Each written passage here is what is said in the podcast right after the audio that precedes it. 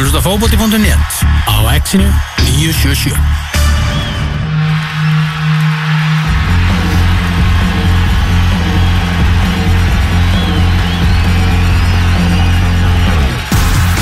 Elva Geir og Tómas Stór með eitthvað til klukkan 2 í dag og gestur þáttarins er uh, mættur í hús, það er ekki annar en Gummi Ben, fjölmiðlamaður og rittumundur. Það er bara þannig, velkomi Gummi. Takk kærlega, takk fyrir að fá mig, Já, loksins. Já, ekkert mál. Og svo spenntur að þú varst mættu fyrir klukkutíma síðan. Þetta kann ég virkilega með það Það var kannski ekki út af spenningi Það var bara út af Jó, ég, ég er með smá aðteglisbest En ég er búin að vera tilbúin í klukkutíma það er þér. Þú maður þetta hitu upp Já, og já. Já, nei, ótrúlega þú ekki stokkið hérna yfir bara í bakarið og Nei, nei, ég leta það í friði það, Já. það var reynd En ég náði að uh, slá það af mér Herru, Elvar, hvað viltu byrja með, með stóru fótboltamálunum með, með Gumma Ben?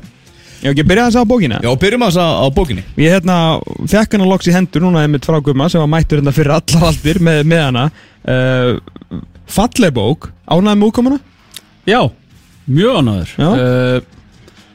Þetta er bara, þetta er vegleg bók Já, hún Og er það. svona það er fara úr einu í annað í, í þessari bók. Mm.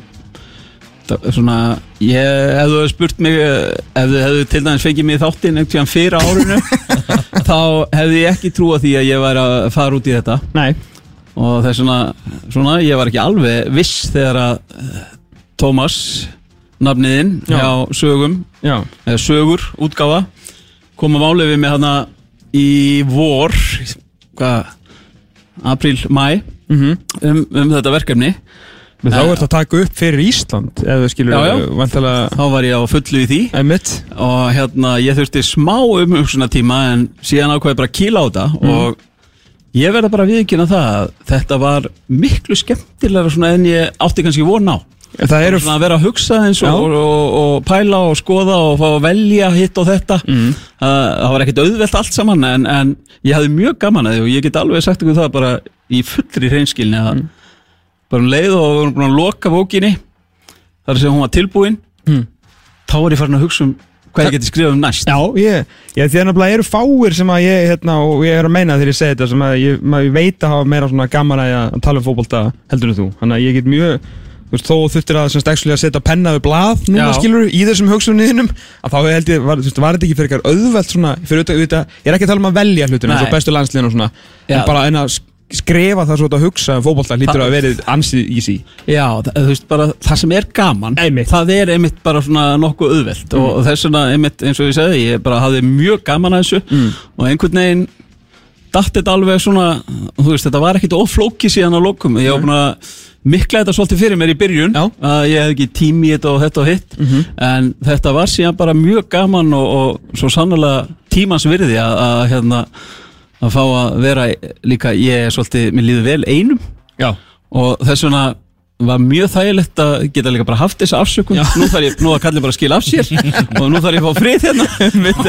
Og vera bara einn inn í herbyggi einhverstaðar og, og bara fá að gera þetta sko, Já. þetta er mjög gaman byrja með svona mjög, svona einhverju stystu æfisögu sem ég hef lesið tvær blaðsjur, Já. tvær myndir hérna af kallinum, bæði ungur og síðan alveg hel sexy hérna í Eils Appelsín treyjunni sko. og fyrir þá sem að svona hafa ekki kannski kynnt sér þetta og byrja þetta hérna á svona æsku ár snillingana sem að gummir að skrifa um ég menn eins og Pele og Míu Ham og alls ekki gert upp um melli kall og hvernig þessu nóg af stelpum í þessu líka og menna, hetjur fortíðar? margar frábærar frábæra, Frábærar Maradona. Zlatan hérna og svo fer ég að velja liðin og svo endur að skrifa hérna um þá sem eru svona bestir já, í dag eða ekki, er ég, ég fer ekki með fleiri Jú. þar? Svona já, Julia Ertz, hérna, Eugene Le Sommer, Marta og síðan eru við í kallafloknu með eh, já, þess að bara bestu sem að til er í dag Kevin De Bruyne, Eden Hazard, er Kane og svona þannig að þetta er mjög, þetta er mjög auðveld Þetta lesning er mjög auðlesin bók. Mjög auðlesin Já, það, þú veist að það er mikið það er myndir með hverjum já, nánast einasta manni sem er nefndur. Mhm. og uh, þetta er bara eins og ég segi þetta, þetta, er, þetta er bók fyrir börn á öllum aldri myndi ég segja að sé svona rétta setningin. Og held að sko eitthvað skot á mig eða eða svona okkur. Ég, ég ætla að vona það að þú haldir áfram að finna barni í þig Já, því ég að það er að, þú veist, þá fyrst maður er maður búinn þegar maður missir barninu Það er sér. rétt, það, það er það, á að vera gaman og það er skemmtilegast þegar maður er barn. Já, já. Algjörlega, þessi bók er náttúrulega bara hrinda á stað núna vinsalasta samkvæmisleik landsins. Já. Það er að, að velja besta íslenska landslið allra tíma. Já, og að því að eins og vorum að tala um að þetta verið svona nokkuð auðvelt kannski að skrifa. Já, þar lendi maður á smá vegg sko. Einmitt. það, ég get alveg viðkjönt það. Já. En ég er samt óbúslega stoltur af því að, svona, að það sé komin smá samkvæðinsleikur í gang. Já, það er mjög Af því skemmt að það, það er ekki auðvelt að vera fyrstur í þessu. Það, þú veist, það er, ég myndi segja að vera auðveldar að koma á eftir og segja, að hann er ekki með þennan og þennan og eitthvað svona. Þegar ég kom á eftir bara, þú veist, ég var núna um helgina og Heimir Þorstinsson basically setti mig í stóla full af hálfvitum, sko. Ég verð bara að lesa þessa fæslu frá, frá heimi Þorsteinsinni á austan.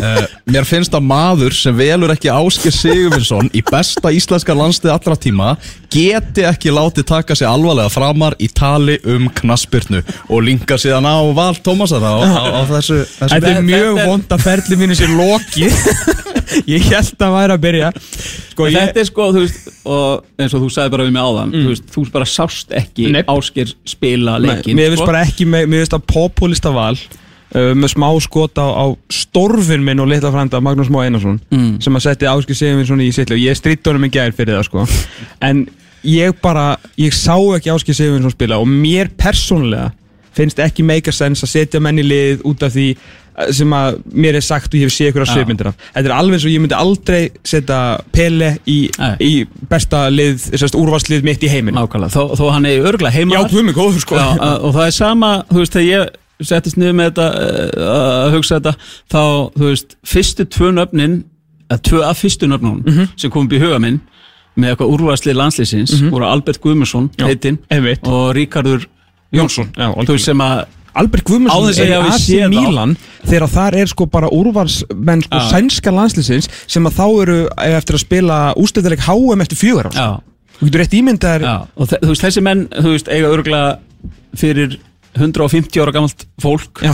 sem að, uh, er að velja þetta Já. þú veist, þeir sáu kannski alla þessa menn spila og þeir væru öruglega í þessu liði hjá Já, þeim. af því að þeir, bara með það sem ég hef heyrt þá voru þetta geggjaðir íþróttamenn. En ég mitt fór þá leið bara, þú veist, ég vildi velja þá sem ég sá nægilega mikið af Já. til þess að vera í þessu liði og, og það var ekkert, þú veist, það var langt frá að vera auðvelt og skilja menn sem ég kalla bara vini mína. Já, þú veist, fyrir ekki bara, þú veist, á bekknum heldur bara fyrir utan hóp, sko. Og, en ég ákvað það að ég ætti enga vini, ég ákvað bara að vera þjálfari þarna. Já, já, og reyna að búa til lið sem að ætti að fara að vinna leiki. Já. Og þú veist, þeir hafa ekkert ringt í mig þessi sem er ekki í hópnum. Nei. ekkert núna síðan að bókin koma út. En þeir sem eru á bekknum? Sko, bekkurum var eh, að sjálfsög ekki, jú, ég hef aðeins heyrti eins sem er á bekknum, þú veist, sömur eru þakkláttir að vera á bekknum. Þú veist Ég, Ég ætla að giska á heyri Siggi Jóns, ég ekki að að- sáttur við það. að því að menn eru búin að skora svo mörg mörg fyrir landslið Rúna Kristinsson Já. þar er til dæmis leikmaður sem að með döð langa Þa, Það kom mér mest á óvart að hann Já. ekki verið leiðinu hér Ég er leikjæðist í leikmaður Íslands Jó, einu maður sem kunna senda bolta og yfir fimm ára til perjódu Þetta er bara einn besti, ég, ég skrifa hann aðeins um hann Án Eva sá hæfileika ríkasti og þeir voru ekki margir og þeir voru ekki margir sem var skemmtilega að horfa og spila leikin já, veist, Ég elskaði að horfa að Rúna spila fótbolta. Og því miður þá, þá var ég keiftu til KR í staðin fyrir Rúna, þú veist, Rúni fór út Já. og ég kem í hans stað í KR og því miður náði ég aldrei að spila með Nei, þú veist, kannski einhverja landsleiki eitthvað örstuðt sko en, en það hefur verið draumu, einn af draumum mínum að spila með Rúnari Kristinsson í fótbolta. Því að ég, það er samt ekkert vist að það hefði gengið vel því að ég dáði svo að hún að ég hefði bara glemt mér í leiknum sjálfum ef ég hefði verið að spila með hún leiki. En geggjaðu og ég bara get sagt ykkur það að spila bumbubolta sem ég gerði fyrir núna ekki svo mörgum árum árin ég gat ekki meir. Nei. Að spila Rúnari sinn. þar Já, það var líka, það er bara list sko. hann er svo góður í fótboll já og það er gaman, það er ennþá gaman að horfa á hann sko. Ég bara að er um vera 50 talandi um það og Áskir Sigurvinsson þá hérna var hann Óskar Ófur samstagsfélagi okkar og vinnur hérna segja frá því þegar hann var í hérna Moggaboltin, sem þetta er hátegisbolti sem var til í mörg ár og þar hafa margir komið sko. Mm. og það er myndi var Áskir Sigurvinsson svona gestur fyrir nokkurum, nokkurum árum síðan sko, kannski áratuð eða eitthvað tæpum. Og hann er svo sem ég hefði veit ekki hvað það sé ennþá enn í FC Lunds eða hvað sem þetta heitir. Að, að það var bara sama skilur veist, bara þráttur að voru en 50 og 22-30 ára sko, veist, þetta var bara vandrarlegt Já. fyrir hinn að standa á sama velli og hann sko, því að gæðin voru bara ótrúlega já, já en það, þú veist, það, ég held að sé núna kannski mesta umræðan um allavega liðið mitt Mm. er að ég er hvorki með Kolbein nýja Alfreð í hóp í- Ég, ég, ég, þú veist, þetta er náttúrulega eins og segir vinimanns, eða vinimanns, skilur, við lítum á að þau búin að gera svo mikið fyrir okkur, sko.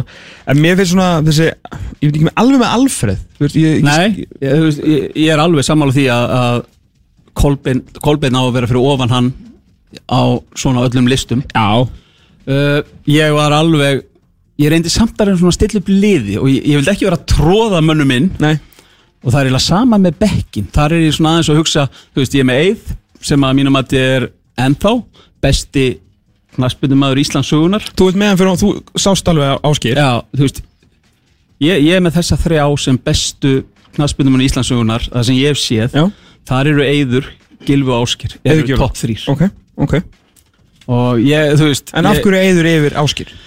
Sko eiginlega kannski út af því að Eiður spilaði með Barcelona. Barcelona kifti Eið Smára Guðjónsson. Þú veist, það, það finnst mér bara að vera risa. Mm -hmm, þú veist, það, það er bara og englandsmeistar í tvígang og kannski lítum við líka á ennsku deildina aðeins eitthvað herra en Þískaland eitthvað en skulum ekki gleyma því að Ásker var bestur í Þískalandi um tíma sko. Þannig að og var alveg geggjaður veist, það er bara maður sem ég leit uppi og ég getum kannski bara sagt örstut að sögu að því að þegar ég er 15 ára þá er mér búið til Stuttgart það sem Ásgerir leikmaður. Mm. og ég gisti hjá Ásgeri fyrstu nætunar og ég held að þessi fyrsta kvöldið þú veist, ég Áski Sigurvinsson kom að sækja mig á flugullin sko, mér leið bara eins og smábarni sko, bara satt í jeppanum þarna og horfði bara á Ásker og síðan gisti ég hjá honum og, og bara um kvöldi er þau með eitthvað mataböð þau hjónin. Og það er einhverju gesti hjá þeim og ég held ég hann bara að borða síðan fór ég bara niður, ég svaf niður í kjallara hjá þeim hérna eitthvað. Og ég fer eitthvað að horfa sjónvarpi bara og það er bara eitthvað bóð uppi. Og ég ligg í sófanum og síðan einhvern veginn hvort ég þurfti að fara að pissa eitthvað ég rík svona á fætur upp úr sófanum. Og ég fekk eitthvað svona aðsvif. Það bara svona eins og að vera líðið við mig og ég datt ón á glerborð sem brotnaði. Og ég heldur mér að aldrei liði að illa á æfinni heldur en einmitt þarna þegar ég búin að brjóta borð heima í áskri sigur og þú veist, að sjálfsög var þetta ekkert mál þau komu niður og bara er ekki lægi og eitthvað svona jú, það var lægi með mig. En ég var svo, ég hef aldrei verið jafn lítill í mér eins og nákvæmlega á þessu þegar ég braut borðið heim í áskri sigur En það sem ég tók eftir sem er kannski svona eitt má því að við höfum verið að tala núna bara við erum að tala um landslega okkur í dag og svona þessi bakvarða vandræði og ekki vandræði. Og kannski aðalega bara það er enginn til með svo eftir byrki og svona. Ég, ég sett upp svona jákvæða fýblastæðin svo með sem, sem, sama kerfi og, og Hjóru Hálega svona, þetta 3-4-1-2 sem þetta meikar ekkert sens en þetta er samkvæmusleikur Já, já. þannig ég kifti út hérna bakurinn mér finnst Gretar Rapp Steinsson mér fannst hann ógeðslega góður. Og ef við hefum verið með hann ekki það að Birkir hafi verið frábær sko, en ef við verið með hann aðeins lengur og meðslinu ekki plaga hann og í þessu undakefni að það HM 2014 sem er þessu síðustu leikindin hann sko, sem hann bara dettur út vegna meðsla að við hefum bara hefur bara verið frábært sko. En svona eða vinstri bakverðarstaðan svona gegnum tíðina hefur bara verið rosalega erfið og þess vegna svona eiginlega vildi ekki fara þess vegna slefti ég bara Her Herman Reyðarsson sko er ekki bakverður Nei, það er aðalega það. Og, og enginn af hinnum, hverju voru þetta? Artur Þór Viðarsson, svona allir inn í mínu tíma. Artur. Þór Viðarsson, Indri Sigursson þessari Sigursteinn stöðu. Gíslason, já. Uh, og síðan alltaf Ari og Hörður núna. Bjarni Ólafur þegar hann var að koma upp. Þetta, sko, gott að Viðar Þorkelsson framari var ekki um tíma þarna með, með þessa stöðu. Uh, og áttum okkur að því sko, svona kannski besti vinstri bakur er svona setjum tíma og ég er bara ekkit frá því ef ég, ef ég er bara neittu, nú setu þú bara í 4-4-2 mm, þá myndi ég líklega setja bara Ara fyrir Skúlason. Já, veist, að, og hann er ekki einu svona bakverður að ment sko. Nei, nei. hann var bara sóknartengiliður hérna heima. kantmaður með mér í val. Kantmaður mm. þegar í val þegar hérna, ég var að kofera það. Inn á miðju í, í, hérna, þegar hann er í Svíþjóð. Bara svona spila færa dreifa spili, auka, tekur auka spinnir sko, ekki einu svona sko, kannski besti bakurinn okkar er bakur Nei, það er alveg rétt og uh, þetta hefur verið svona smá vesinni staða, Já. það er alveg út að segja það. En ég verða að fá að skjóta þið inn að því að, að því að það bara rifjaðist upp fyrir mér núna. Að því að ég myndist á fram. Að því að fram var langbesta fótballtaliði hér uh, um tíma í kringum 90 og, og, og þess að þar og það er eitt leikmaður sem með, mér langaði svo að hafa í, mér langaði að hafa hann í byrjunarliðinu. Ormslöf Já, Pétur Ómsleif Ég kom honum ekki í byrjunulið og síðan einhvern veginn endaði að hafa hann ekki einu svona í hópnum. Nei. en þar var bara einn eitt besti leikmaður sem ég sé að spila á Íslandi. Þetta er svona hearsay gæði þegar maður tala við ykkur og skiptir engum máli hvað þau haldið með framvali eða káir það er bara svona algjör töframæður geggjaður, hann var gjössanlega geggjaður leikmaður. En hver á svona, eh, kannski við tökum svona eitt af, af þessum strák, svona mönnum sem voru hort á spila fótbolta.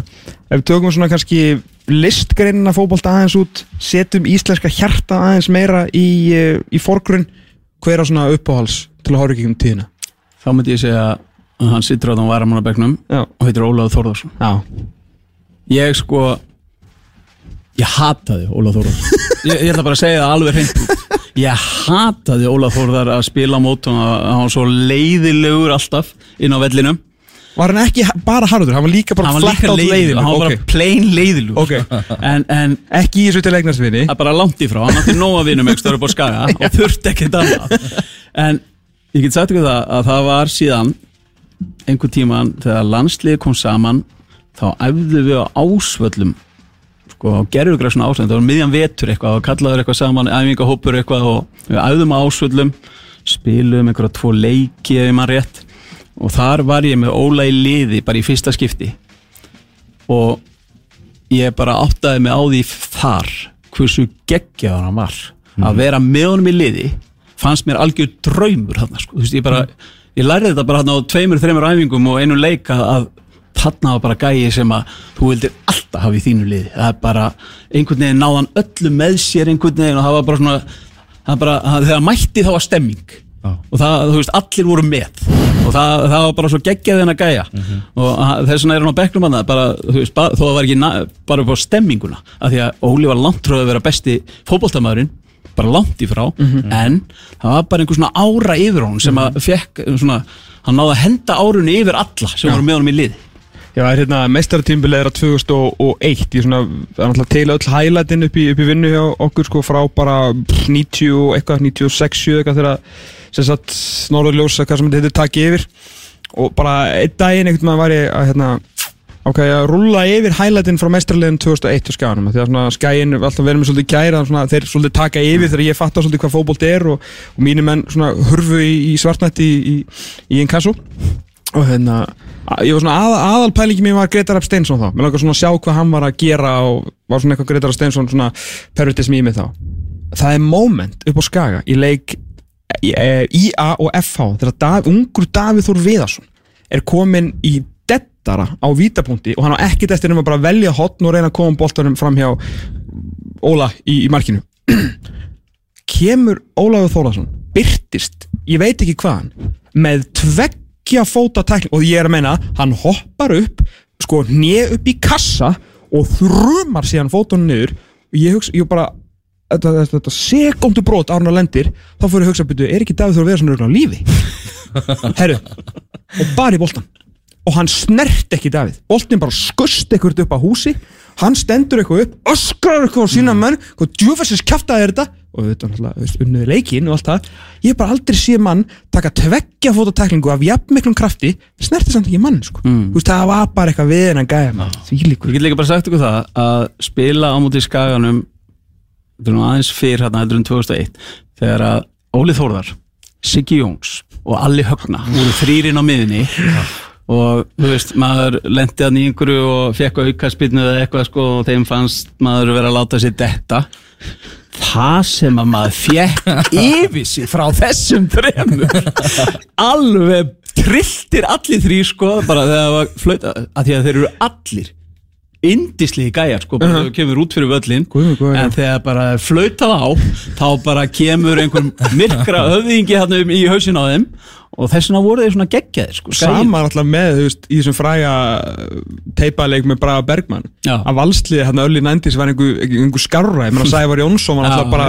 fekk bara heilabilin þegar það var flautað á og það, þú það er ekki tilvílun að þessi lið voru svona sigursæl þú veist, það er að þeir voru með svona karaktera Algjörlega. sem að bara En voru þeir ekki að vinna líka með svona einhver önnur orðin við þekkjum? Í dag er bara sagt eitthvað auðmi, var ekki svona kækill og Já, eitthvað svona já, bara tölu íslenska Þarna á íslenska. þeirra alvöru utan að landi íslenska Já, maður, þetta var, við sjáum þetta ekki í dag, sko.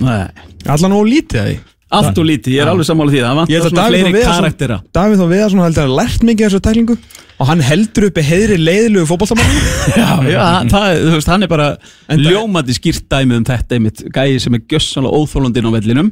En vinnur tilla Vinnu titla og er Þú veist, bara geggjur persóna fyrir utan vellin Æðislega gæði sko, æðislega gæði Ég var að fara í stóru fótballtamálin Förum í stóri fótballtamann Já, já, ég hef búin að henda niður á blað hérna mjög stórum spurningum Gummi. Annars barst þættinum bref Ok, og ég því. að koma bara fram að því annars mun ég þetta alla vikuna.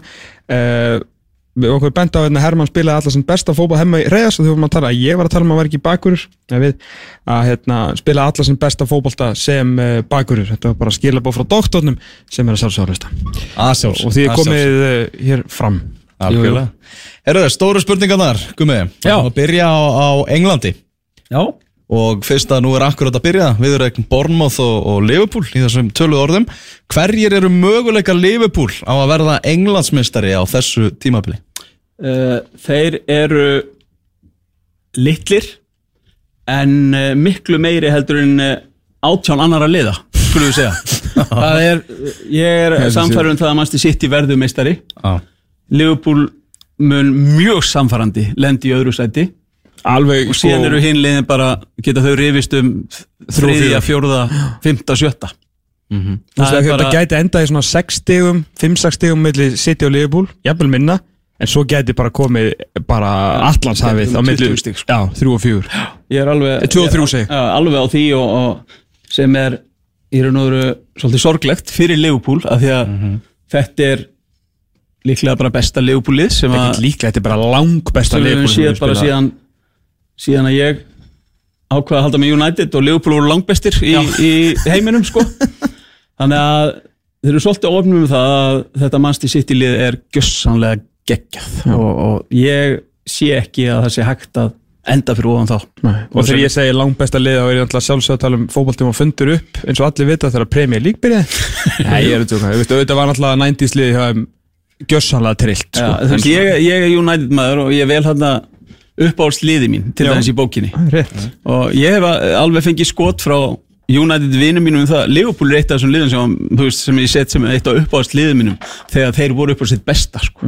þú veist með Kíkan, Douglas, Hansen Grobbelar uh, og þessa gæja í liðinu og Európumeistarar hérna hvað tvisar eða þrísvar á því tímabili.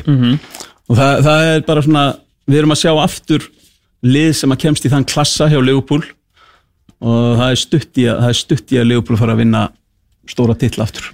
Það er, það er helviti mikið stemming með þessu liði, akkurat núna. Jörgen Klopp er búin að byggja upp eitthvað alveg bara svakalegt batteri hana menn geta sagt bara hvað sem er um Jürgen Klopp en hann nær einhvern veginn að búa til stemmingu þar sem hann er. Þú veist, hann fær fólkið og leikminna með sér og það, það er gaman að spila í liðuna hans Jürgen Klopp. Maður maður sér það bara á leikmennum og þegar að leikmennum finnst gaman að spila þá ganga einhvern veginn hlutinni betur. Það er bara, það þarf ekki neitt efnafræðingi til að sjá, sjá það sko. Ég horfðu bara, þú veist, klukkutíma bílferð yfir á, á hitt stóra fótballtalið í Englandi. Það er náttúrulega mínus 15 gaman að spila fótboll þar núna. Það er langt frá að vera gaman hjá leikmennum Já, og, og auðvitað helst að hendu og gengur vel á eitthvað en byrjunin er að sé gaman að spila fótbolta þú veist, Meina, þegar lang, þú vinnur við það að spila fótbolta þá á það að vera geggjast í heimi sko. þetta er besta starfi í heimi það, það er ekki til betra starfi ég bara, ég fekk sem betur fyrir að prófa þú veist og ekki verið nægilega mörg ár Nei. en þetta er, það er ekkert að finna betra starf heldur en að spila fótbolt og þú, ert að vera þakklátur og sjást á þér hvað þið finnst gaman Já. þegar þú ert að spila leikin það er líka tugir þúsunda að borga fullt af peningu fyrir að koma og horfa og þig hafa gaman. Já, og þú veist, þannig á það að vera ég, ég hef nú sagt það einhverstaðar áður en það finnst mér líka bara vanta hérna eins og Íslandi, við erum að tala um að kom ekki nú ennilega margir á völlina því að vera að sína á marga leiki og þetta og hitt. Aðal ástæðan fyrir mér er að fólk kemur ekki á völlin það vantar fleiri leikmenn sem fólk er virkilega tilbúið að borga sig inn til þess að sjá. Já, sem að sés, þú veist að leikmenn sem að geistlar af að, að þeim finnst gaman og eru góðir í fótbolt Þa, það er það sem að vantar fyrst og fremst þannig að við fáum fleira fólk á, á völlin Já, af því að sumir af þessum, það er alveg rétt jára, sumir af þessum svona allra, svona teknískustu og bestu leikmennum pepsi-dildarinnar, þú veist, eru ein, kannski ekki mestu sjarma tröllin af velli, auðvitað ber maður fulla virðingu fyrir því að þeir eru bara að gera sitt og hvernig sem að þeir gera það, en, en þú veist, já, það er þetta er entertainment og, og það á, þú veist, þú er það var einhvern veginn, ég allavega, maður hugsaði það sjálfur, þú veist, ég, ég er að fara að spila leik og ég vil fara velli það sem að mér, eftir leik, það sem mér liður vel og ég veit að áhörundu fannst gaman, þú veist, að það á að vera gaman. Já. þetta á að vera bara fjölskyldu skemmtum og það er mér bara allt oft vanta. Menn eru svona, að ég veit ekki það er svona eins og menn séu svona hálf eitthvað eins og þetta sé einhver skilda að vera í þessu Þe- þú veist, þetta er draumur að fá að spila fótbolta og leikmenn ættu aðeins að hugsa um það stundum hversu marga dreymur um það að spila veist, í efstu deild bara á Ísland í Pepsi deild á Ísland, þú veist, það er svo stór draumi fyrir marga og það eru allt of fáir sem fá að upplega draumin það er svona á maður að njóta þess virkilega njóta þess. Algjörlega. Leifupúl að fara í reysaleika móti Napoli náttúrulega í mestaradeildinni núna í, í komandi viku þar sem að já þeir þurfa að vinna hvað 1-0 eða með tveggja marka mun? Jú. Heldur þau klárið þetta? Ég held að Liverpool gerir það. Uh, Ég held hins vegar að þetta verði geggju dramatík. Þetta er bara einhvern veginn þannig leikur að hann, bara stendur á honum að þetta verði eitthvað að loka mínóttónum að eitthvað. Og ég hef nú verið svo heppinn að vera á Anfield þegar að svona Evrópukvöld og allt undir dæmir í gangi. Og ég hef aldrei upplifað hana eins heldur en að vera á Anfield. Ég, ég sko einu sinni var ég á Liverpool eh, nei, Liverpool Barcelona var ekki, það eða var í Barcelona eða var það Liverpool Chelsea Örgulega upp á Chelsea. Já. Og ég, veistu það, ég hef ég hef ekki á neinu velli setið veistu, og ég held með United. En ég hef hvorki fyrir síðar hef ég setið á velli svona á meistaradelda kvöldi með gæsa húð bara frá því að ég settist og bara handlaði á búið. Þetta var, þetta er lígilegt, það var ekki hægt að lýsa þessu hvernig þetta er og Liverpool einhvern veginn þegar kemur á svona leikjum úslita leikur á heimavelli þá einhvern veginn ná allir að vera saman í þessu og að Hvað er rekordið þeirra á þessum Evrópukvöldum á Anfield?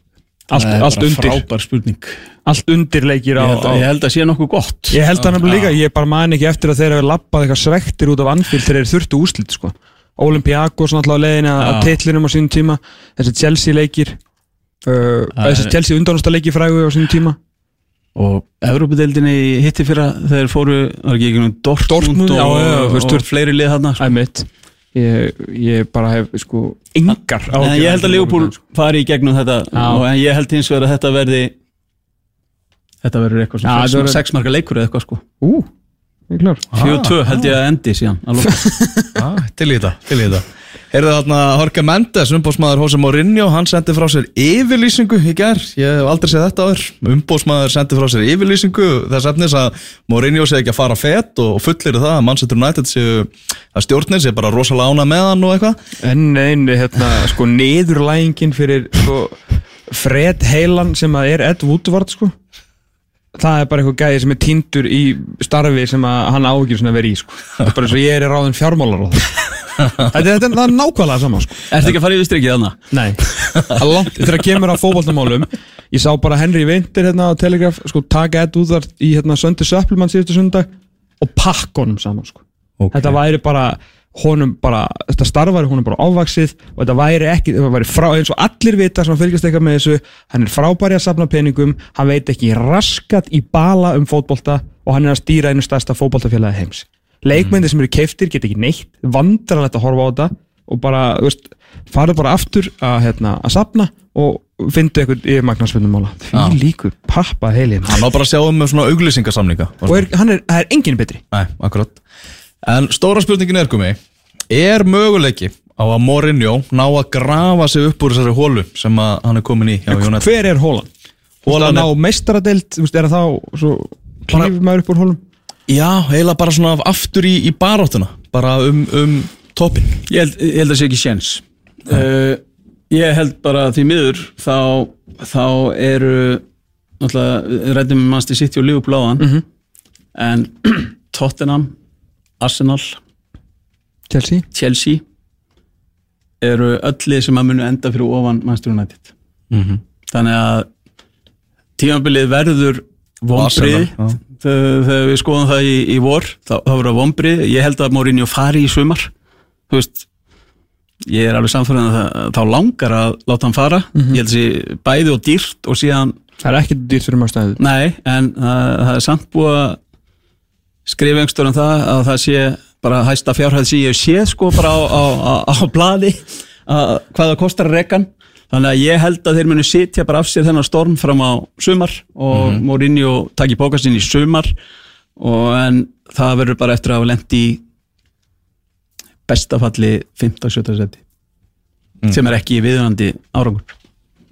Fymta bara á við spjarsinni sko Já, ég, ég, ég, sko. eins og ég segi, í bestafalli Í besta falli, já, já. Eh, tekið því svona enski blaðamenn svolítið að tala um það núna en finnist eins og svona stuðningsmenn Manchester United séu farnir að sætta sig einhvern veginn við meðalmennskuna Já. bara helviti sáttir við jafntefla á móti það er bara Arsenal það sem er og- búið að gerast það er bara búið að sko ljúa inn í eða, sko, málið er rétt uh, það er alltaf verið að segja núna uh, setningi sem er mikið notuð er að ef að Hosea Mourinho er rekin þá er Manchester United orðið eins og hvert annað fótballtafélag Já. okay? og það, þess, veist, mér finnst að eins og stuðnins með Manchester United úti sem eru veist, alltaf í vörnum fyrir Mourinho og klappa fyrir honum og svona, þú veist, ef hann næri einhverjum úslitum að þá langar ekki að verða þú veist, eitt af versta svo getur heitt sem stuðnismæður Manchester United hlýtur að vera þú setja að verða eins og hvert annað fótballtafélag þetta lið er búið að vera, og þetta félag er búið að vera að tróna toppnum í 20 ár pluss þetta sko, þeir þurfi ekki eins og að vinna englandsmeistartillin hann einhver 2-3 ári röð en samt voru þeir sko yfirbúra bestir alltaf. Þessi fyrir ekki yfirbúra stærstir. Mm. þeir eru bara, þeir eru bara langt yfir, að voru langt yfir alla hafnir þannig að það er mjög skiljanlegt að stuðnismenn Manchester United sérstaklega sem að lifa og hrærast í þessu og búa í Manchester vil ekki heyra setninguna uh, við erum hvert annað fótballtafélag en Manchester United varð hvert annað fótballtafélag um leið og Sir Alex Ferguson fór. Þá, þá var bara komnir nýjir tímar. Um leið og David Moyes var reygin þá þeir ennþá meira eins og hvert annað fótballtafélag um leið og Louis van Gaal var reygin ennþá meira. Og það hefur ekkert breyst, þeir eru bara hvert annað fótballtafélag í dag þeir eru önnur félög og lið komin á undan þeim. Og hvert annað fótballtafélag rekur bara þann þjálfara sem er ekki ná árangri ekki bara ná árangri með stæla pyrra leikmenn, fær ekkert út úr stjórnunum sínum engi leikmaður verður betri undir hans stjórn hvað er málið? af hverju er hann ennþá við starf? hann er hvað er búin að vinna eitt leik að síðustu sex eða eitthvað Já, og það er bara nákvæmlega eins og segir að United vill ekki vera þetta sem er alltaf bara- að reka þjálfara Já. og þess áttar og ég held, eins og ég segi, ég held þeir munu bara sitja á þessu fram á sumar þegar þá verður að gera breytingar. Já, ég meina, þú veist, þeir, vita að topp, hvað er áttastíðum frá topp fjórum núna og, og þú veist, og þú veist, það, það er eitt að vera áttastöðum eftir. Ef að það væri eitthvað í spilamennsku liðsins sem myndi benda til þess að liðið væri á uppleiða þess áttar en það er bara svo langt í frá. Já. þú veist að og þú veist, ég var að nú að lýsa þessum leik United Arsenal í mér viku. Já, það var samt, segi ég það var skemmtilegri leikur heldur en allir hinir United leikinni sem ég hef hort á bara Sammála. á tíumbilinu sem, að- sem er jákvætt kannski en þeir voru ekkit betri en þeir hafa verið. Nei, nei. það var bara þetta voru opnari leikur og svona og þeir síndu smá svona þú veist, smá hungur í þessum leik. Já. en, en það hefur vantað í alla leikina og ég get ekki séð eins og þú segir þú veist, ég sé ekki leikmenn verða betri og liðið verður ekki betri með því að með Mourinho sem stjóra. Er það með stjóra eitthvað svona drauma Pochettino eins og flestir United menna uh, ef ég mætti bara velja hvert sem er Já. þá er hann í- þá býr hann í Manchester. Ég væri alveg til í að fá Guardiola sem, sem stjóra. En það er ekki að fara að gerast. Nei. Eh, nei, ég er svo sem ekki og auðvendaðu ekkert að þurfa að velja velja mann í þetta ef ég segja alveg er. Er hver er þenn tilfinning fyrir sítan? Ég held að hann væri betri að koma inn í þetta ef þeir væru þú veist, actually mjög góðir já, og, og það væri bara, þú veist, Guardiola, nei fyrir ekki Við halda partíinu sko. já, svona svolítið eins og gerði á Real Madrid sko. Já. það er nefnilega rosalega erfitt einhvern veginn að dæma, þú veist, það er þetta að dæma að síta hann á titlum já, en hann kom náttúrulega inn í samfélag sem að bara er í þessu Mm. og United er bara á þannig stað að ég, ég þor ekki eins og ég myndi elska það að Sindin Sítan tæki við Manchester Mhm. United og, og, og það myndi ganga vel. Þá myndi ég ekki þóra að leggja lífmut undir með að hann geti komið inn á þessum tímapunkti og, og breytt breytt miklu Sammála, sammála. Bara einhvern veginn svo skrítið með Mourinho það er svona fyrri dvölans á Chelsea þá var svo rosaleg tengsl millir hans og leikmanna. Alltaf eftir leiki þá var hann bara í faðumlögum og nánast í sleiku þessar leikmann svo einhvern veginn núna er bara algjörlega anstæðan við það. Nú er bara eins og þessi stríði við eigin leikmannahóp bara í hverja einustu viku alltaf svona ný og ný fórnalömb í hópnum. Þeir elskuðu hann svo mikið þegar Chelsea að hann tók það úr sambandi fyrir, fyrir Chelsea Inter á leiðið sinni að Európmeistarartitlinum með, með Inter uh, hann tók það úr sambandi bara með því að, að faðma þá í göngunum fyrir leik mætti í göngin og beið bara beið bara eftir, þeim, faðmaði hvern einn og einasta og þeir bara, hann bara tók það úr sambandi bara eins og maður tekur jólatri á sambandi og fóð með þetta Interlið bara allar leið að tillin Mhm. Þú veist, hann var svo, hann var svo mikil karakter, svo mikil útgislun, svo mikil gleði, gleði, svo mikil tröst og allt sko hann. Líður bara eins og hann sé þú veist, bara, bara hvert einasta viðtal sem maður sér við hann Mhm. þá líður mér eins og hann sé á vondum stað Já. Að honum líði ekki vel sjálfum og þegar þið líður ekki vel þá er óbúslega erfitt að ná í ná því besta út úr einhverjum í kringum því Mhm. ef, ef þið líður bara ekki sjálfum vel og, Sérstaklega ef að þeim er farið að líða illa líka. já, og, og það sést bara á United liðinu að það líður það er mjög fáum sem líður vel Já. og þá gengur þetta ekki upp Einmitt. Við erum með fleiri stóra spurningar, við ætlum að taka okkur örstu hlýja svo að mánu öskur ekki á mig Já, við þurfum að koma að smá, smá skilabúð Þú ert að hlusta á fótbolti.net á exinu 977 Þeir að hlusta á fótbolti.net á Exinu 977 Helvar Geir, Tómas Þór og Gummi Ben. Gummi Ben er að eh, Það er verið að þjarma hérna aðanum Við erum að spyrja stóra spurninga í, í fótboltanum, Gummi. Og næsta er, er stór. Er Luka Modric besti fótboltamæður í heimi? Uh, Nei, langt í frá það er bara frekar einfalt, einfalt svar En var hann bestur árunni 2018? Uh, nei Frekar Ég langt í frá. Já, ég myndi ekki segja það og, uh, En ég samglæst honum samt sem áður að það var unnið gull hnöttin hana Mhm. En það, ég get talið upp nokkra sem að uh, voru betri en hann á, á þessu ári og Já mér nægir alveg að nefna bara Lionel Messi uh, þrátt fyrir að Þið líka, þið líka djókið, það hafa hann að gæja í fimmta seti. mm, það, það á Þau að þeir hægt sko nei, þeir sem, þeir sem að kusu þurfa svona aðeins að, að svona endur skoða held ég sitt líf Já. bara yfir höfuð. Eins og Víðir, víðir, takk þetta til þín Já, algjörlega. Víði var ekki með hann á, á top 3 og minna, þetta er bara maður sem er búin að skrifa um fótbolta frá því 1700 og súrkál og hann er bara að vita betur. sko. Já, ég er alveg sammála því Mér finnst einhvern veginn svona umræðan var svo mikil um það hvenar einokun Ronaldo og Messi myndi ljúka að einhvern veginn fólk nefndi ekki að býða bara lengur eftir bara, heyrðu, bara nú er það bara Modric Já, var ekki svona umræðan orðin hans hávar að Kylian Mpappi er þið maðurinn sem að mundi rjúa þetta veist, eftir nokkur ár, þú veist, og svona allan í kringum háum og svona, Mhm. en, en blagamannum og kollegum okkar þeir kannlega fannst bara komin tími til svona eiginlega nýttu tækifærið að því að Modric átti þetta frábæra HM og náttúrulega Europmestari með Real Madrid og virkilega góða leikmaður. Já, eh, þessir fjölmjölamenn sem kursu þetta og allt og margir eru farin að líta á það sem sjálfsagðan hlut að við séum uppi á tímum með þessa tvo menn. Einhverja mögnuðustu íþróttamenn sögunar yep. og, það, veist, og þess vegna vilja menn kjósa eitthvað annað af því að þeir eru orðinni á leiðir á því að þessir einoki íþróttina en þetta eru bara tveir af bestu íþróttamönnum sögunar sem eru þarna og við höfum að vera þakklátt fyrir það að við erum bara hérna í præm að fá að fylgjast með þessum gæjum í hverju viku mm Hvernig væri top 3 hjá þér komi? Ef að þú hefðir atkvæðið sett uh, Messi 1 Mhm. uh, ég myndi setja Ronaldo 2 Mhm.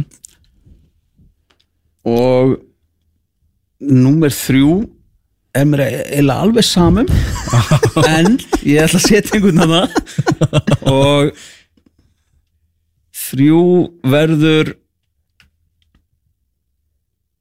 Antoine Griezmann. Hann er rosa góður í fótbolta. Hann er það. Hann er heimsmeistari í Já. Það er nefnilega þannig. Heyrðu þið, hann í hvaða sæti andar Ísland í reyðlunum í undankjapni EM? Herðu, við lendum í öðru sæti á eftir frökkum. Mhm. Ég er gríðalega En nú ert ekki að fara að lýsa þessu skilu undakefni en þú getur bara verið heðilegur Já, ég er alveg Já, heiðilega ok, ok, Alveg heiðilega með það að ég sé En það er byggt á því að við kannski getum notað fótboltakallan okkar. Já, Já. það er að sjálfsögðu byggist svolítið mikið á því að, að við séum með okkar leikmenn og ég trú ekki að við munum upplifa annað eins tímabili eins og við erum búin að upplifa núna á, á þessu ári. Og eftir að hafa farið í smá vinnu og skoða þessi lið sem eru með okkur í riðli og hvað þau voru að gera í þjóðadildinu til dæmis, til dæmis.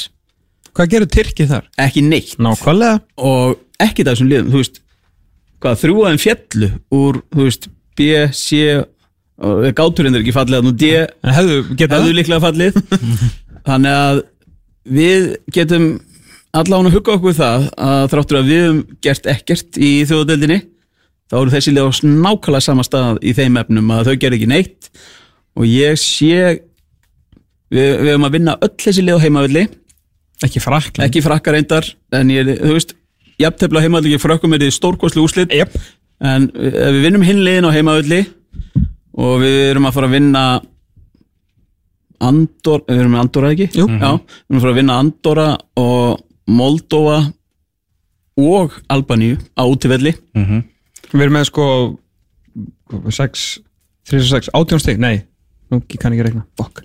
36 er 18, það er, það er rétt. Já, í þessum, í neðstu þreymur sterkleikaflokkunum Já, og þar missum við síðan 6 stiga því að neðsta liðin alltaf tekið út þannig að það eru bara 12 stig gefin já. þar. En við, þú veist Já, ég er ekki samfærum með að vinna Tyrki aftur, þáttur er stórkostlega leik síðastar Það er ekki samfærum að vinna úti en með alla heila jú, þá vinnum við það samt. Já. Þannig að ég segi það að við eigum við eigum að lendi í öðru sæti í þessum reyli Það er eitthvað sem segir með það að Albania verði svona áhrifavaldur í þessum reyðli að, á, á Tyrkina þá? Já, þeir munu taka eitthvað að Tyrkjónum og gera það verkum að við, við fljúum á Ég EM held við aðstæð þurfum ekki á það að halda. Nei, Satt að ok. segja. Ég bara ef við erum tiltölulega heilir og það er náttúrulega bara orðið alvöru vandamál við segjum það bara að þessi strákar eru að hérna nær endanum heldur en byrjunni eins og staðan er þó hann sumir er alltaf sem betur fyrir fullt árum eftir þeir eru samt sem að vera að spila sem besta fótbolta okkar bestu fótboltamenn. Þannig ég, Það eru langt frá að vera eitthvað of gamlir. Já jésus langt- svona langt í frá. Jú, við erum með Kára sem er 36 ára en Kári er líklega bara að spila sin besta bolta akkurat núna. Og hinnir, þú veist, þeir, þessi kjarni hann er 29-30 ára. Nákvæmlega. Sem er að bara toppa eins og er er alltaf bara að að segja við mig frá ég var 5 ára að menni að toppa um 28-29 og þeir eru bara að hlýða. Þeir eru bara í því og þess vegna sé ég ekki að, að það sé eitthvað vandamál auðvitað það snýst bara um að við getum stilt upp tiltölulega sterkur liði í þessum snýstum leikum að vinna fyrsta leikin í mass í, í hérna Andorra? Albon, uh, Andorra eða Albaníu fyrst. Andorra úti. Já, Andorra úti. Vinnum þann leik þá eru konur áfram. Ja, Þú veist wow. Og förum við áfram. Ég- Þá ég förum við ætla- áfram. Það eru komnir áfram. Við eigum heimsmeistarar endur í öðrum leik. Og svo- á út velli. Sko ég er, sko undakefnin er bara orðið svona formsætri fyrir mig sko. Nei, tjók En þetta er, þetta er bara- líka ég- þannig, Tom Já. Að sko, tvö eftirsætin gefa rétt Já. í lokkefna mm Er ekki hluti að riðlunum sem lendi, að liðum sem lendi í þriðasæti Nei, Nei, Nei, bara tvö áfram og svo er bara þjóðadeildin. Síðan er þjóðadildin og eitthvað segir mér að þessi 11 lið fyrir ofan okkur í aðdildinni munu öll enda í eftir já, rétt. Það er bara mjög. Já. og þá er farinu listan gjör svo vel umspilsæti Þá erum við efstir í umspilinu Já, Mhm. þannig að ef við klúrum ef við klúrum þessu með því að lendi í Þriðasæti þriðja þá fáum við þennan séns og við klikkum ekki á honum þegar við erum búin að fá annað líf þarna. En ef að Erik Hamren sem að mér finnst við bara eiginlega ekki geta dæmt að einhverju stóru leiti ennþá. Hann verður bara að gefa honum þessa undakefni að þetta tínda hausti var eins tínt og að verður. Uh, þó að við séum kannski svona aðeins svona, kannski komin allan aftar í vagnin svona eftir svona þessa fyrstu mánu Það verður að viðkennast Það verður alveg að viðkynast en, en það er samt ekki annað hægt en að gefa honum bara greiði manninu smá breyk fyrir þessi meðslaða vandræði sem hann er í. En ef hann kemur okkur ekki á EM með, í þessum riðli og með bakaleið þá, ég man ekki samt að bara einu undakefni að tvær Er ekki alltaf sami bara eina? Ég Já. minnir hann að það er sami bara Eina. fram yfir EM 2020, Já, já, já, EM þú alls þar en þá hefur hann ekki mikið að gera hérna. Nei, hann, ég fullir það að hann verður ekki þjálfari ef að við förum ekki á EM okay. Leikjaniðurðurinn með stóð svolítið svona hagstað okkur Fí, Fín byrjun, eins og segir, byrja á, á Andorra frábært að bara klára þetta Já. bara í mars Pressulus leikur á móti frökkum algjörlega Það er alveg rétt og þú veist, þetta er það er dreigum þetta núna, ég komst að því. Ah. mm. að þetta var alltaf þannig að sam, samningarnemndi settust niður þegar það búið að draga í riðlinn og síðan var svona, já, við viljum spila þessa heima hérna og þegar stjarnan sendi hérna Sigga Dúllu og fund með Javier Zanetti en það okkur finnast að ljósmynd söguna en þetta, þetta, er- núna er þetta bara, veist, það eru það er bara tilkynnt að Ísland getur ekki spila heima í mass Ísland getur ekki spila heima í november og síðan bara dreigið hinn að þjóðin kom með eitthvað veist, við getum ekki spila heima þarna eða eitthvað svona. Já. og síðan bara dreigið og þetta er, það er búið einfalt þetta. Heldur en þegar menn voru hérna að múta hverjum öðrum einhvern veginn í den? Trillu við inn, já, Leifbúl komið yfir. Já, Sala, Sala Já, heldur betur.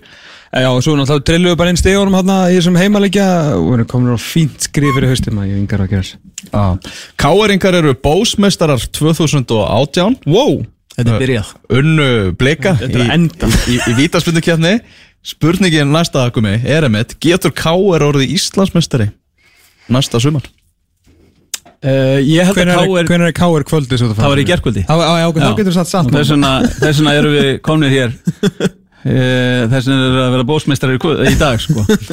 En já Sko eh, Alveg hefðilegt svar. Þá einhvern veginn reyndar hef ég alltaf trúið að Káur getur verið mestari af Því að það er alltaf á stefnuskráni hjá Káur að vera mestari Fyrir hvert einast tíðanbill Þeir voru langt frá því í fyrra. Uh, En þeir eru konið með Þeir eru konið með Ægjarl Þeir eru konið með Alex og uh, Arthur. Og ég held að þetta sé er Gott. fjór, hver á? Var ekki og hann hérna sendir inn uh, danska hérna. Tobias Tobias. komin heim. Já, og þannig að þeir eru búin að stækka stækka hópin og svona þeir verða meira tilbúinir í þetta núna og Rúna Kristinsson er frábær þjálfari. Það sást alveg í fyrra. Og það er svona ég hef alveg trúið því að. Káur muni gera sig líklega í það minnsta. Uh, það, þú veist, þú varst að vera blindur alveg ef þú spáir ekki valsmunum titlinum. Og ég myndi gera það en ég held að Káur muni allavega vera í baráttunni þetta árið. Ok. Ég til í að fá Theodor Almar í pepsildina Vá, já, takk. Ég skal bara segja ykkur það að það eru alla líkur á því að hann verði með Káur Úf, Ég er til í það. Ég er mjög til í það. Heyrðu, þú varst að tala um það að Hvað með þjálfaran Gumma Ben? Er hann komin á hilluna? Við að sjá þjálfaran Gumma Ben áttur? ég, ég held að já Já, ég, Þú sagði við með einu tvekja að mann að tala að þetta var eitt skemmtilega sem þú hefði gert og, og þér langaði þetta já, með döð langar það aftur En langaði aftur í að vera aðaþjálfari eða svona sko ég, já, öruglega Já, Mér langar líka bara jafnvel að þjálfa yngri flokkanis Já. bara, ég er mjög spenntur fyrir því það er bara börn er eitthvað að heðlasta í heiminum og, og það er gaman. ég er nóg að þeim. En uh, langar samt að hitta fleiri. Þannig að ég er mjög gaman að því og, og ég er alveg samfærum það að ég, eh, þú veist, ég er búin að vera það heppin reyndar. Ég er búin að vera hjá blikum núna var síðasta ár og verð áfram núna. Það sem ég er einu sinni í viku bara þú veist, eins og við vinnum. Tom, þá, þá eh, hendar þetta kannski ekki fullkonlega að vera þjálfari líka Nei. í þessu þetta er á mjög svipuðum tímum, þessi leiki sem við erum að lýsa og, og, og æfingar og þess og þar þannig að ég hef ekki alveg fundið mér tími að gera þetta eitthvað á fullu núna undanfærin misseri. En ég er mjög ánaður og, og mér er mjög gaman að vera einu sinni viku þar sem ég er hjá blikum og með svona bara með sókna menn með svona yngri bæði stelpur og stráka. Mm. klukkutími viku og hvað Það- er bara að kenna um finish og... Já, það er í raun og bara svona afgreiðslur og, og, og hérna, skora mörg og, og hérna fá markmenn líka, gulli, gull náttúrulega bara elskar að láta skjóta á sig þú veist, 65 ára en elskar að vera að kasta sér út um allt sko, sem að er geggja líka. En að, bara mjög gaman að vera með þessum yngri leikmönnum svona aðeins að fá að miðla reyslu sinni. Já, já. Já. Hvernig kemur út bókin um Selfoss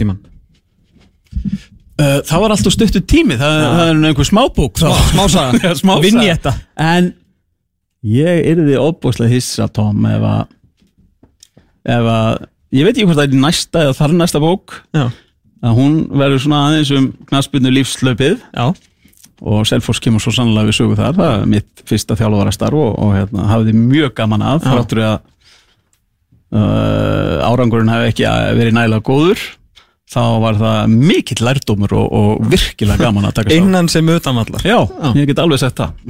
Og það eru nokkra suðurna það skal ég segja. Ég skal þér nú. Með að við sögurnar sem voru í sumar sko. Já. Menn í Airbnb og svona. Já.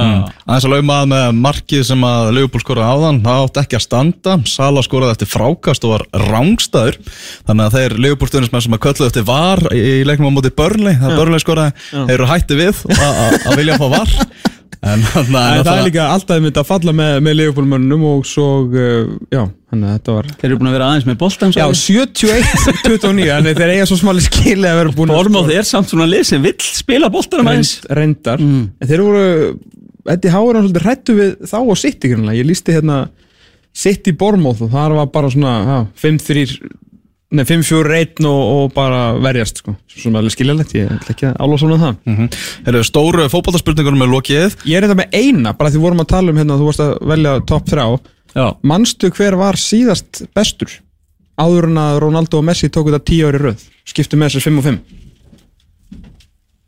er það kaka? Það? Það er horrið til Það það er kaka, það er horrið Eitt sem við þurfum að draga Fretnar í, í gær, Heimir Hallgrímsson Hann getur verið að taka við liði Al-Arabi í Katar Samkvæmt fréttum í þarlendum fjölmjölum Þetta er, þetta er áhugavert. Það er ótt að segja það. Ég veist alveg bara leiðilegt. Já, Við viljum fá heimi á einhvern stað þar sem við getum bara fylgst með honum og það, þú veist, Horrið eitthvað svona nær okkur. Helst bara geta heimsótt hann sko. Já, og en ég er reyndar alveg til að heimsækja hann þarna, sko, það, það er ekki það. Að því sögðu. Já, en ég vona innilega að það sé ekki til í þessu. Bara, ég vona það að ég, við viljum fá Heimir Hallgrímsson eins og ég segi, ég bara, ég vil sjá hann þó var ekki nefn í Skandinavíu. Af því að að þjálfara? Já, Já, þú veist, nema þér ákveð að reka hann nýjastungu Hollendinginn. Hollendingin hann maður gróf undan the nicest guy in football Kåre Ingebreitsen þannig að ég en það skilaði tvörunni ég ætla að hafna þessu Heimir. Nei, nei takk, nei takk við þessu. Algjörlega. Nei, ég fór, ég fór bara að pæla og það sem maður þarf að fara að kenna sér núna er hafa þjálfarar sem eru á, á þessum stað í lífinu uh, og ferlinum, skulum við frekar segja farið til Katar og fengið síðan eitthvað, eitthvað alvöru. Að því að þú veist, svona stærri nöfn sem hafa afreikað eitthvað, hafa farið þarna og safnað smá pening en alltaf verið þeir sem þeir voru og komið síðan aftur. Já, en ég bara, nei, ég held að þessi bara góður punktur. Já. og ég man ekki til þess að einhver hafi byggt upp feril nei, einmitt. þaðan sko. ég, bara, ég, ég ætla ekki að útiloka, ég bara ég man ekki eftir hennu nafni. Það kom hann óvart að sjá Pellegrini fara til Vestham eftir að hafa verið í Kína. Og maður hugsa það sem svona endastöð sko. Já, en þá var hann alltaf búin að gera Já, hluti, það var, við. nafn, það, það, sem var er að- nafn í Englandi. Já, já, já, og, og, og undan því náttúrulega sko. Það eina sér að spáði svona á þessum tímabúndi að fara að taka svona múf sko.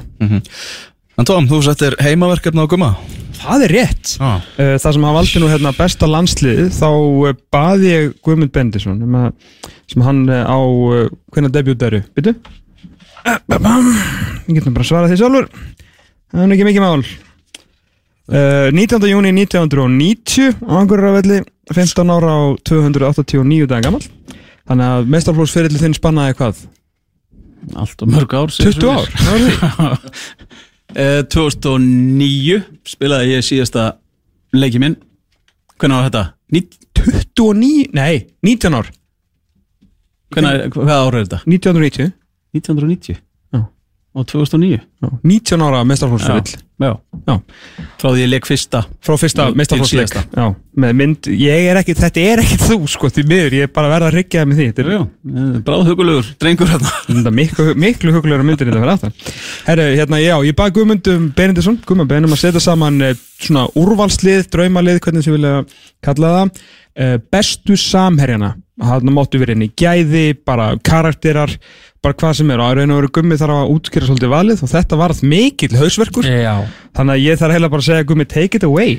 Sko Þetta var nú bara í byrjunum vikunar sem þú settir þetta verkefni fyrir mig. Rétt. Og þetta ef þú heldur að það verið erfitt að velja landslið í, í þessari bókminni þá var þetta Ætli þú kalla þá svona í gríni viniðina Já. en það er næst í alvörun að gera upp á mjög nánir vina. vinnir mínir sem að, vinnáttar sem hefur ennst í 20 ár sem, þú veist, sumt að þessu Mhm. og þetta var, eins og ég segi bara gríðalega erfitt Mm. uh, en það er ég með 25 leikmenn á varamannabekkum hérna. þetta er lengsti og stærsti varamannabekkur sem hefur verið gerður en, að fá nokkur heiðursköllu eftir. Já, en þetta endaði í 4-4-2 Mm. með tígul miðju ok, uh, og áður en að við byrjum á liðinu þá voru nokkrir erlendi leikmenn í þessu liði. Fyrst þegar ég byrjaði í þessu í vikunni. En það varst þú náttúrulega tímum þegar þeir voru ansi góður Já, og leikið leikmenn í, í mörgum liðum En ég ágóð að taka það út. Þannig að þetta eru bara íslenski leikmenn sem að eru í þessu liði. Þá fáum við bara topp 5 erlendi leikmennu eftir. Já, gerum það endilega. En eins og oft þá er byrjað í markinu. Mitt. og ég hef verið með mjög fína markmenn með mér í, í liði. Frikki Frikk var með mér í Þór. Uh, síðan Gulli Gull var með mér í Káer uh, hver eru fleiri hérna?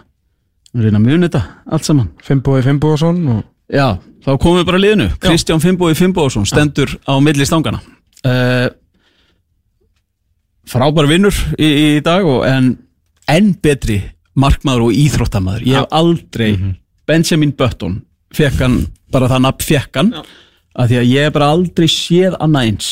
Þú veist, hnjagerð á þriðu degi frá í þrjárvíkur mættur á fymtu degi á æfingu og bara byrjar að þruma markið sko, þú veist, áður en við byrjum að hita upp. Það, það er bara, það er eitthvað rámt við hennar líkama Já. og eitthvað sem ég mun öfundan af alla æfi þessi líkami sem að Kristján Fipphóðsson á meðan þú svona skröltir Já, rétt, meðan ég haldra hérna um og búin að gera í 25 ár þá bara uh, ótrúlegur. Ok. Uh, Hæri bakverður Þessi gæi var að koma upp úr öðrum flokki þegar ég spilaði með honum og var bara svona leit kannski ekkit út fyrir að verða atvinnumadur og uh, fastamaður í landsli þegar hann var að koma upp. Nei.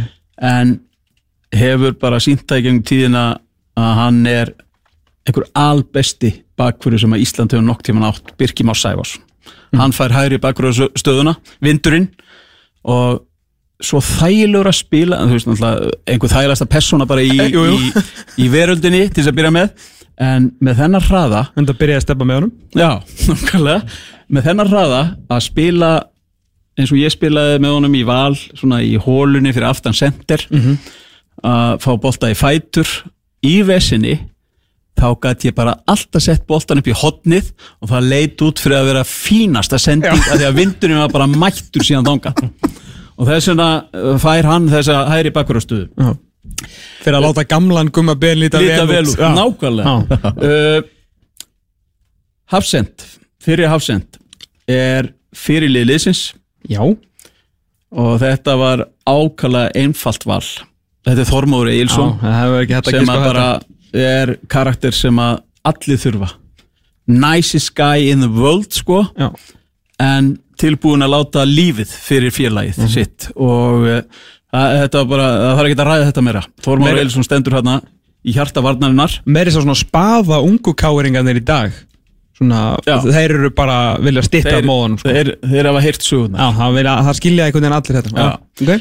með honum er maður sem að fáir hefðu kannski tippað á að ég myndi setja í þetta lið. Ok, en hann er einn erfiðasti leikmaður sem ég hef spilað á móti á æfingum gjössanlega þegar hann var í gýrnum það er bara óþólandi óþólandi að spila á móti þessu gæja. Og bara hraðinn, styrkurinn allt þarna. Og ég er ekki að tala um Sigga Örn sem að margir myndu kannski giska á við, með þessar lýsingar já, sem var geggjör og er á varamannabæknum þetta er Kristján Örd Sigursson yngri bróður Lárusur Orra og uh, sonur Sigga Lár heitins. Kristján Örd Sigursson er eitthvað að geggjaðasta sem ég hef bara lett í á æfingum. Hann var frábær með káir í þessi tvö tímabil held ég sem hann var í, í káir ég var enda því miður var ég svona meir og minna meittur þessi tvö tímabil sem hann var og þannig ég en sást það mikið? Ég sá hann mjög mikið, ég var með sér aðstóð þjálfari annar árið að því ég, ég gæti ekki spilað.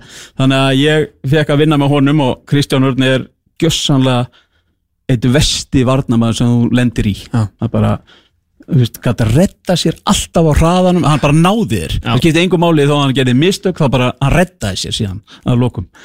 Vinstri bakkurur er kannski maðurinn sem að ég þakka fyrir nánast á hverjum degi að hafa bæði kynst og, og hérna, spila með það er góður félagi minn sem að lést Já. langt fyrir aldur hann Steini Gísla Já. sem að spila vinstri bakkurinn bara ótrúlegur karakter sem að fekk alla með sér bara í KR til þess að trúa því að við varum bestir. Einn besti leikmaður í tveimur af bestu liðum sögunar nýju Íslandsmeistaratitlar Síkó og pakkaði saman ég líði ekki, Æ, ég fæ gæsa út bara þegar ég tala um hann sko, að því að kom hann í Viking 2004 skilja á fengum við svona aðeins að kynast þessum karakter líka bara það er, það er bara skilja allir fullkomlega.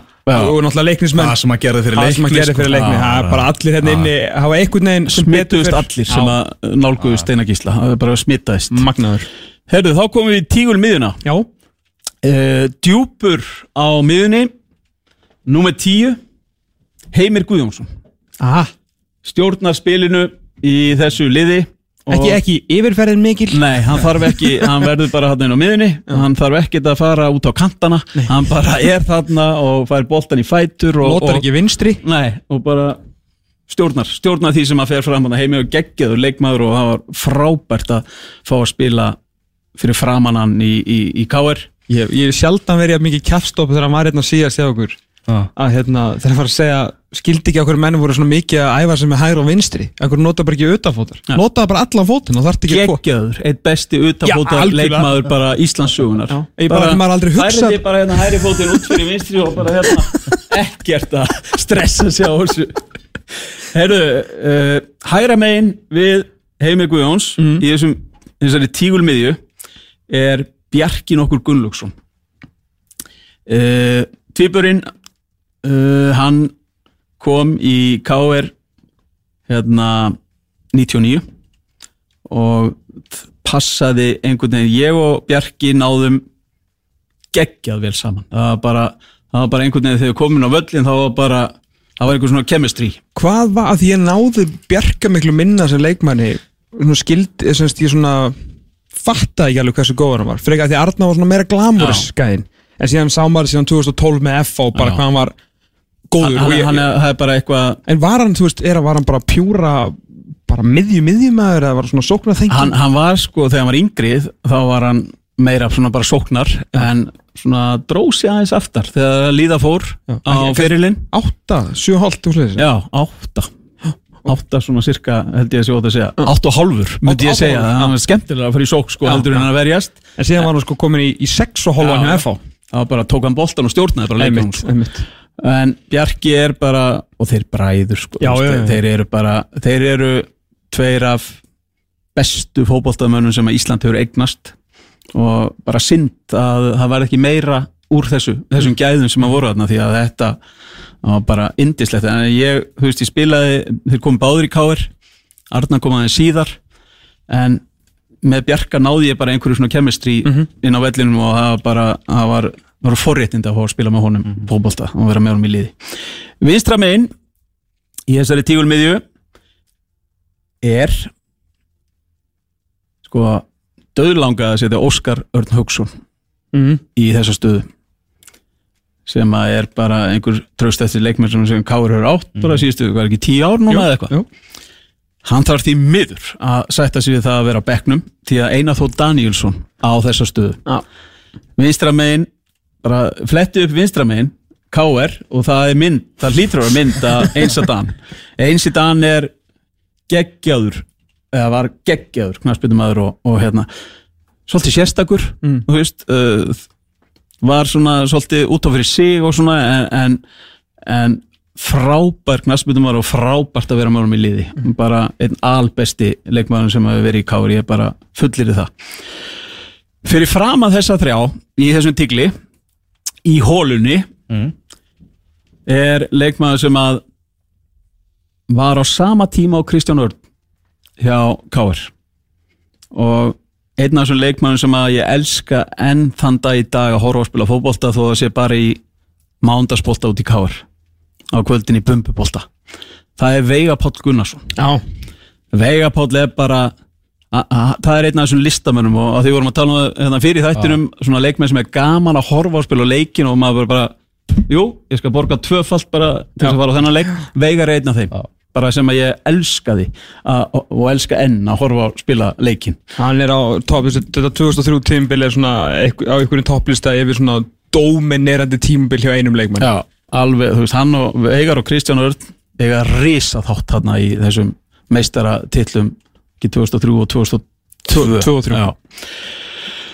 Sko, síðan erum við með tvo sendara Kemst þú í liðið það? Það? Nei, ég, set, ég kennst ekki í þetta lið bara því miður en ég hef verið ótrúlega lánsamur með það í gegnum tíðina að einmitt að spila sender í liðum, liðunum mínum með geggjum leikmönnum og ég verð að segja þetta Steini Gísla vinstri bakurur, Óli Kristjáns var í keppninu en sorry Óli út á bekknum hérna með reynda 24 Fjórum öðrum en sendramálin það var nefnilega það var kannski flóknasti hlutin að þessu Ok. fannst mér, af því að þú veist, ég, okkur smá pullu áður en þú segir hverju þetta eru. Sko, Andri Sigþórsson ég spilaði með Andri Sigþórssoni jésus í, í KR, markakongur Já. það ár uh, hann Andri og náttúrulega bara akkurat típan til að spila center. Svona ég veit ég hvort að Andri verið ánægð með það en hann er svona ég veit ekki, Luis Suárez típ svifst einskins Það er svona cocky sound bitch. Já, þú veist, það er bara, er bara er alveg já. nógu mikið fíl til þess að verða bara markakongur, þú veist, alveg bara og alltaf. En alveg frábær, var alveg frábær hann í, í, á sínu tíma. Er hann í liðinu? hann er ekki í liðinu, því miður, Andri uh, Bjarni Sveinbjörns pabbi Birkis Bjarnasonar ég Já, spilaði já. með Bjarni Sveinbjörns Já. Þóra Akkurur og það er bara einhver svona mesti sendir sem að ég hef séð nokkuð tíma, skoraði alltaf alltaf mörg uh, sko Garðar Gunnlaugsson, ég var með honum í val Mhm. mér fannst frábært að spila með Garðar Gunnlaugssoni Matti Guðmus Já mér frábært að spila með honum Já, þeir líka passið nú bara eins og flýsfjara sko. Já, þú veist, með hraða og Já, svona, þú veist, ég gæti bara að setja hann í eitthvað svæð og það leit svaka vel út Já. og eitthvað svona, hann eldi þetta Og ef þú setti boltan á langt á og Birkir komin Já, já, þá byrja komin í óverandi þannig að þetta gekk einhvern veginn allt upp En hverju eru frammeirarnir? Framreitni tveir eru annars vegar jafnaldri minn ólust upp í öllum yngri landsliðum Helgi Sigursson Ég ætla að trúðu ekki um myndi sleppa hann sko. Nei, en það var engin hætt á því. Nei. Nei, sleppa. Helgi Sig er, er annar, þú veist, þar er annar líka bara svona keppnismæður sem að gat ekki lagst á kottan nema hann er búin að skora mörg Já. þú veist bara, brjálaður fór ekki heima aðeingu fyrir hann var búin að skora einhver mörg og frábær félagi og, og bara í hóp og, og bara geggjaður markaskorri og það þurfa öll lið að hafa einhvern svona geggjaður markaskor með Helgi, mark, hann var ekki markakongur Jú, þarna þegar þau eru meistarar uh, annar markakongur sem að bestu líka Jú, Já. bestur líka Já. Annar sem var markakongur þegar við spilum við saman uh, Því miður var það bara í raun og veru eitt og hálft tímabil sem við spilum við saman en mér fannst geggjað að spila með Ríkari Daðasinni sem center mm. kom í KR 96 og 96 þegar við förum allarlega í úrslita leik við Skagan og töpum honum upp á Skaga þá var þá voru ég og Rikki frammi og já, þetta var nú stittra sem við náðum að spila, spila ég, ég spilaði nánast bara hálft móti þarna. Já.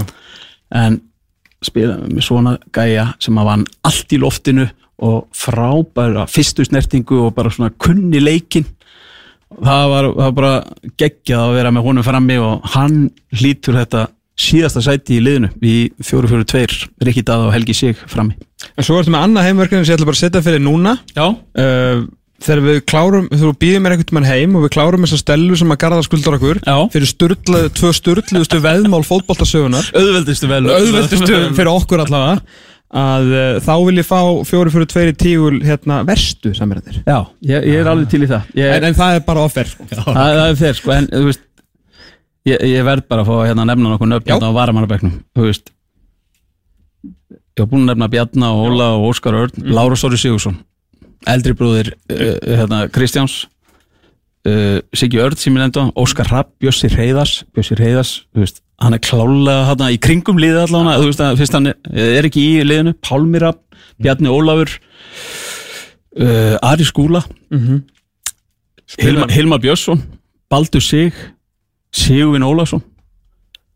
Þú spilaði með svolítið góðan fótbolta. Ég spilaði með fullt af Arnar, Arnar Gunnlaugs, Atli Sveit, Brynja Björn Þú veist, til miður þá er bara 11 í þessu fótboltalið en það eru nöfn þarna sem að kemist í helviti mörg lið lefið mér að segja. Og spilaði líka með mörgum þegar þeir voru að maksa sig. Baldur Aðarstins Baldur.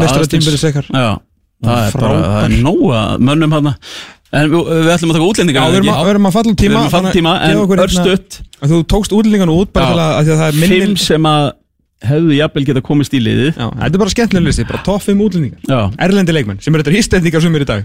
Lista Luka Kostik mm. Ég held í alvöru besti erlendi leikmaður sem hefur spilað á Íslandi. Ok, bara punktur.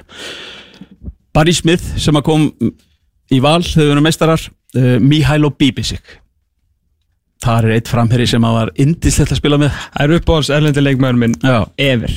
Andri Hansen, markmaður. Rosenborgar, Rosenborgar sem kom til okkur í KR 2009 besti leikmaður uh, norsku úrvastildarinnar í ár. Og hann var frábær fyrir KR hennan tíma sem hann var. Og David Vinny, þetta eru svona þessi fimm nöfn. Þú veist, David Ervits og Porsa eru menn sem ég spilaði með líka í KR og það, þú veist, það, er, það eru svo margir góðir ellendi sem hafa komið líka Einn útlendingur sem hefði alveg mátt bara vera heima. Uh, að því við erum hérna við lögadalinn Já, ég held að ég held að ég sé að fara rétt með nafnið Musa Diagno Já, Musa Dagnógo Já, hann kom hérna kom til Íslands, Pétur Pétursson að þjálfa ég held að verið 2000, fyrir hverjum 2001 eða 2001 Já, og hann kemur hér í februar, mass til reynslu okkur. Og hann lendir hér á þriðudegi og um kvöldi leikur við ír hérna nýra á í Lögadalum og það er trillt veður. Veist, það er bara vetra veður og bara skafreiningur bara á annað markið. Og ég og hann byrjum saman frammi. Herðu, bara eftir korter fær hann bara, boð, sendi ykkur svona fasta bara með vindinum sko tekur hann á kassan, snýr sér við fyrir utan teg, smellir hann upp í skeitin bara. Og bara takk fyrir. Og við bara fú Pétur Pétursson tekur hann úta í hálfleik bara því að hann var að lenda þarna fyrir um daginn og mm. maður vildi ekki taka hann að sensa og það var líka leikur sko eftir þrjá daga sem hann átti líka að spila. Þannig að hann er tekin út í hálfleik og við sáum ekkert meira á honum þarna. Síðan bara létt æfing daginn eftir og, og eða hvort það var frí og þannig að hann var eini eða tvær æfingar. Og síðan kemur þessum leik sem átt að vera hann var frestað vegna veðus þannig að við sáum bara Diogno í 45 mínútur og hann gerði þetta geggjaða mark. Já. en ég held að hann hafi ekki skorað síðan. var hann lendi í smá basli hjá okkur. En, en góður piltur, enga síður, mjög góður. Já, já.